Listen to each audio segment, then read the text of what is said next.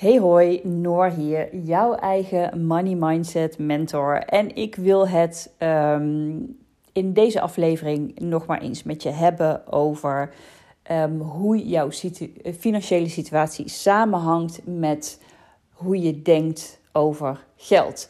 En um, ik ben op het moment bezig, uh, of loopt mijn money mindset training.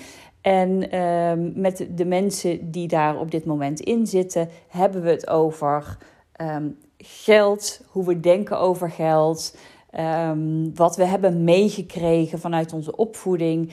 En het is altijd weer onwijs interessant om te zien wat mensen hebben meegekregen aan overtuigingen over geld en hoe dat nog steeds een rol speelt in het hier en nu. En ik ben echt nog niemand tegengekomen bij wie dat niet het geval is. En dat is ook logisch, want um, wij, weet je, alles wie we zijn en hoe we denken, dat heeft een oorsprong. En dat, dat begint natuurlijk in onze jeugd. Dus hoe wij met geld omgaan, hoe we over geld denken, de basis daarvan ligt in onze opvoeding, ligt bij onze ouders en opvoeders. En Ehm, dus wij nemen als mens onbewust een hoop op en over van onze ouders en opvoeders. En dat maakt dat wij um, bepaalde patronen ontwikkelen en bepaalde overtuigingen hebben die uh, we de rest van ons leven meedragen als we daar niet ons bewust van zijn of last van hebben, zodat we ons er bewust van worden en er misschien iets aan um, moeten of kunnen gaan veranderen. En als je, als je kijkt naar je eigen financiële situatie, dan heeft dat eigenlijk heel weinig te maken met wat je doet en denkt, maar voornamelijk over hoe je je voelt over geld. Want je kan werken en bakken met geld verdienen. Maar als jij daaronder hebt liggen het gevoel of de overtuiging dat geld niet voor jouw soort mensen is, of dat jij het niet verdient om zoveel geld te hebben, dan zal dat geld net zo hard als dat het binnenkomt er ook weer uitvliegen. Op allerlei manieren. En dat is iets wat zonde is. Want op het moment dat jij in de gaten hebt wat je doet, kun je er ook iets aan gaan veranderen. En um, ik weet niet hoe het met jou zit, maar ik, ik hoor van heel veel um, mensen die, die bij me komen um, hè, als, nou ja, voor dit hele money mindset stuk, dat zij thuis nooit expliciet over geld spraken. En als er over geld werd gesproken, dan was het um, ad hoc, dan was het zakelijk of dan was het stressvol. Maar er waren nooit gewone leuke gesprekken over geld en hoe je daar um, je toe zou kunnen verhouden. Hoe je geld kunt inzetten om een mooi leven te leiden. Um, er was dus nooit een structureel gesprek over um, de positieve kanten van geld. En dat is jammer, want als je als kind het signaal krijgt dat er niet gepraat wordt over geld, of dat als er over geld gepraat wordt, dat er dan altijd stront aan de knikker is, dan geef je dus een kind ook mee: geld over praten mag niet. Geld is spannend. Geld is ingewikkeld, geld is mysterieus. Uh, misschien wel geld is negatief en dat wil je zoveel mogelijk vermijden. En dat heeft vervolgens invloed op jou als kind of op jouw kind als hij of zij volwassen is en hoe ze dan met geld omgaan. En dat zie je al in ehm, dingen terug die je misschien niet per se herleidt naar je jeugd, maar bijvoorbeeld onderhandelen over je salaris. Als je dat nooit doet, waarom doe je dat niet? Dat is een interessante vraag. Waarom doe je dat niet? Wat zit daaronder? Pel dat eens af. Ehm, maar bijvoorbeeld ook als jij een extreme spaarder bent. je hebt mensen die ontzettend goed kunnen sparen. Nou, hier in Nederland applaudisseren we daarvoor, want we vinden sparen vinden we een deugd. En begrijp me niet verkeerd, sparen is ook heel erg verstandig, maar je kan ook te ver gaan. Als jij, ehm, weet je, uh, tienduizenden of 50 of 80.000 euro op je spaarrekening hebt staan dan ben je iets heel raars aan het doen. En de vraag is: waarom doe je dat? Waarom doe je dat? Waarom staat er zoveel geld op jouw spaarrekening? En wat laat je daar allemaal voor? Want hè, sparen voor de toekomst of voor um, a rainy day is natuurlijk hartstikke verstandig. En dat moet je ook altijd doen. Maar 80.000 euro gewoon op je spaarrekening hebben staan, wat heb je daarvoor moeten laten in het hier en nu? Want je toekomst, die is er nog niet. Je leeft ook nog hier en nu. Dus wat maakt dat jij um, zoveel op je spaarrekening hebt staan? Wat zit daaronder? En als je dat gaat afpellen, dan kom je sowieso bij een um, schaarste mindset. Maar waar komt die vandaan? Wat heb jij meegekregen dat maakt dat jij dus nu een oppotter bent, zoals ik dat noem? Of dan heb je aan de andere kant natuurlijk weer het andere uiterste. Mensen die helemaal niks sparen, niks opzij zetten, niet hun geld aan het werk zetten voor ze, maar alles zodra het binnenkomt over de bal kieperen. Wat zit daarachter? Hoe komt het dat jij niet in staat bent om geld bij je te houden? Om geld te sparen, om geld te beleggen? Wat zit daarachter? Wat voor overtuiging zit er bij jou achter dat als je geld binnenkomt, je het dus ook maar meteen moet opmaken? Het is een interessante gedachte. Als jij dit bent, denk daar eens over na.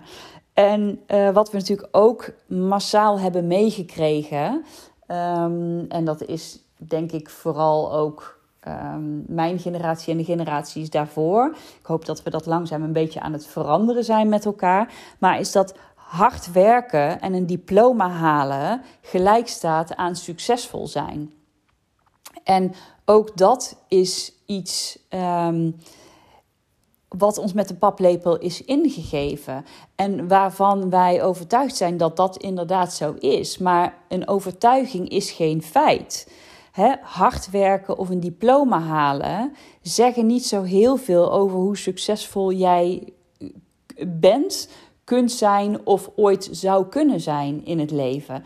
Maar dat is iets wat erin is gegoten. Als jij geen diploma hebt, nou dan kan je wel inpakken.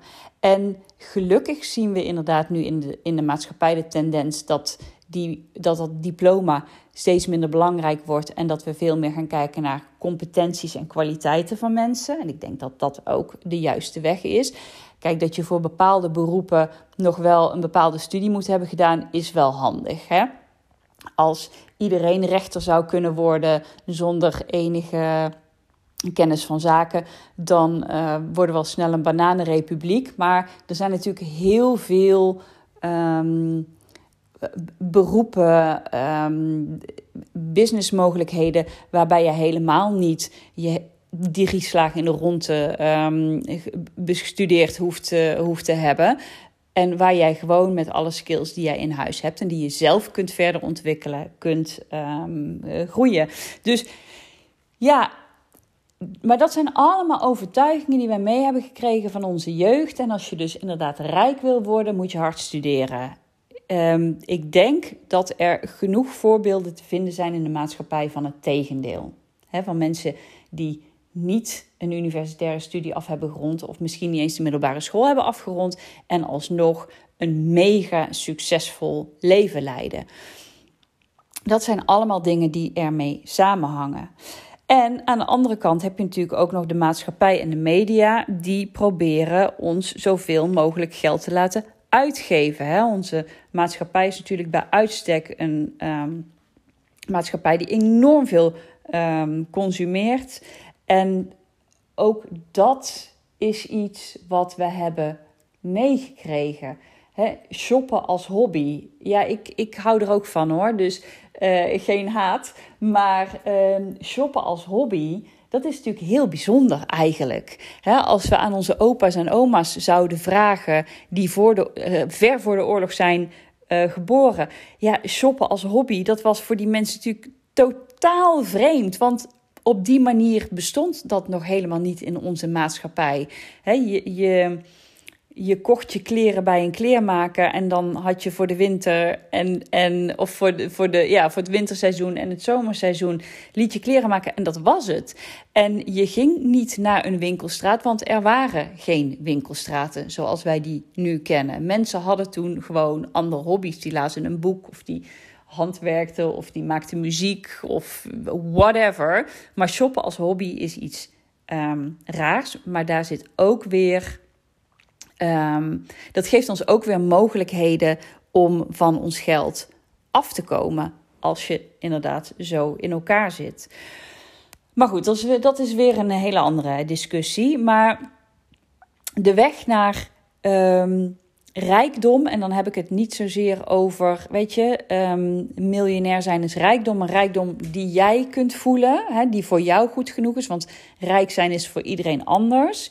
Ehm, is een combinatie van zelfkennis en vaardigheden. Maar 80%, 80% zit in jouzelf, is innerlijk werk, is het aankijken van jouw overtuigingen en ehm, kijken wat maakt dat jij de relatie met geld hebt die je hebt. Want gedoe met geld heeft echt zelden met geld te maken. Het heeft altijd, komt altijd voort uit een dieper liggend probleem. En dat dieper liggende probleem is eigenlijk altijd te koppelen aan hoe jij over jezelf denkt. Dus jouw eigen waarde. En de weerstand of de issues die jij voelt met betrekking tot geld zitten voornamelijk in jouw gevoelens um, met betrekking tot geld. En jouw gevoelens ten opzichte van jezelf. Dus voel je je geliefd? Um, krijg je voldoende erkenning? Wil je meer waardering? Ervaar je liefde in je leven, warmte in je leven? Dus hoeveel jij jezelf van waarde vindt, houdt verband met wat er op jouw bankrekening staat. En ik ben er zeker van dat er nu mensen afhaken. En dat is ook helemaal prima, want hè, dat ehm, moet je kunnen horen en dat ehm, moet je kunnen begrijpen.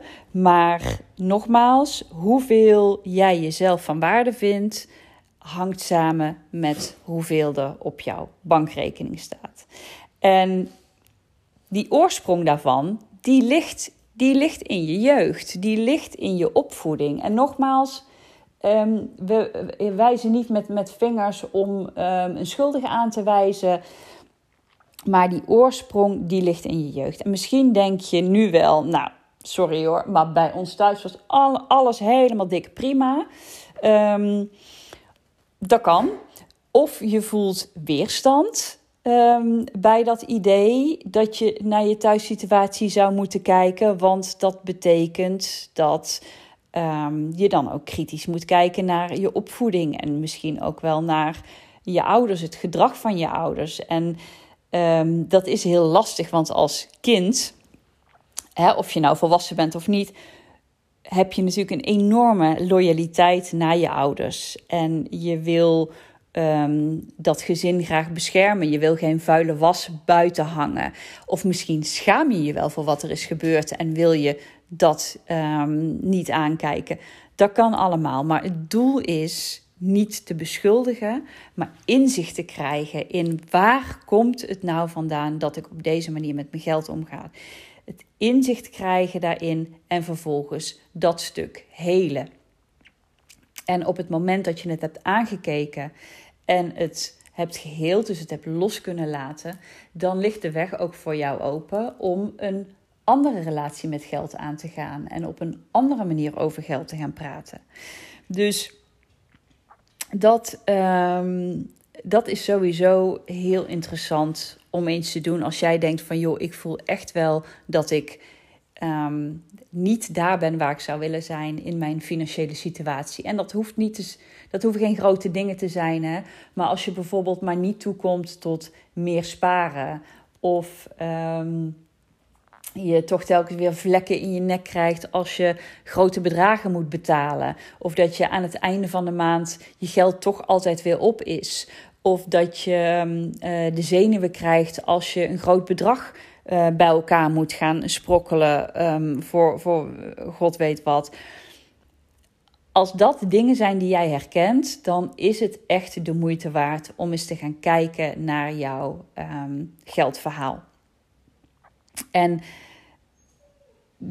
ja, dat, dat is eigenlijk wat ik, wat ik met deze podcast je zou willen uh, zeggen. En weet, jouw verhaal is misschien niet heel bijzonder, hè? want daar gaat het niet op. We zijn, we zijn niet op zoek naar groots en mislepend en drama. We zijn op zoek naar die kleine dingen die wel hebben gemaakt dat we op een bepaalde manier gaan denken. Dus nee, misschien is jouw verhaal niet zo bijzonder, maar het is wel uniek. En jij bent de enige die daar um, hout uit kan snijden. Hè? Die, die kan zien, oh ja, maar daar, dat is het punt waarop ik zit.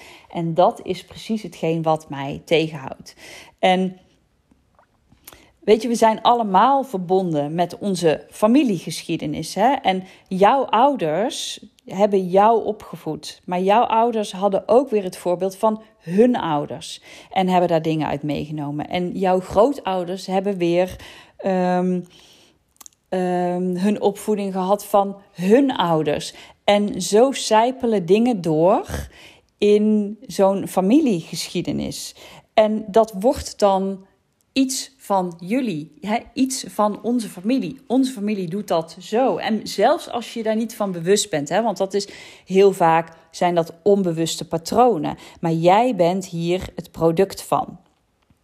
En um, zo wordt, um, ja, weet je, van alles wat je hebt meegekregen, een overtuiging. Um, en een overtuiging lijkt dan al gauw een feit, want dit is hoe het is. En um, dat is waarschijnlijk ook wat jij, als je daar niet over nadenkt, ook weer doorgeeft aan je kinderen. Tenzij je daar dus verandering in wil brengen. En je, je hoort nu mijn hond niezen op de achtergrond. Gaat het boef? Ja? Oké, top. Um, we hadden het over, ja, dat inderdaad, dat wat in jouw familie door is gegeven aan overtuigingen, dat dat geen feiten zijn. En dat um, hè, als jij daar verandering in aan wil brengen, dan kun jij dat en dan mag jij dat. Dus nogmaals, kijk eens naar je familiegeschiedenis en de patronen en, um, en eventueel ook de valkuilen. Dat is heel nuttig en dat is geen aanval op je ouders en op je grootouders. Zij deden wat zij geleerd hebben en wellicht werkte dat in hun leven en in hun tijd, want dat moet je ook niet uitwissen, werkte dat goed. Maar jij mag dit dus aanpassen. En als het jou op een plek houdt waar je niet wil zijn, namelijk blut of angstig voor geld of vermijdend, impulsshoppend, extreem zuinig of wat dan ook. Kijk het dan eens aan en pak het aan. Ja, dat, um, dat is eigenlijk wat ik, uh, wat ik kwijt wilde naar aanleiding van wat ik nu weer zie in, uh, in de training. En denk jij van god, dat is inderdaad hartstikke interessant. En ik denk dat er bij mij hier en daar ook nog wel wat dingetjes zitten um, ja, ga het eens uitpluizen. En als je denkt, dat zou ik graag doen onder begeleiding, dan um, weet je me te vinden. Stuur me een DM via, via Instagram of een mailtje. Uh, dat kan allemaal. En ik uh, ga graag eens met je zitten om, uh, ja, om deze overtuigingen eens aan te kijken. Dus uh, dank je wel dat je weer hebt geluisterd. En ik wens je verder voor nu een hele fijne en overvloedige dag.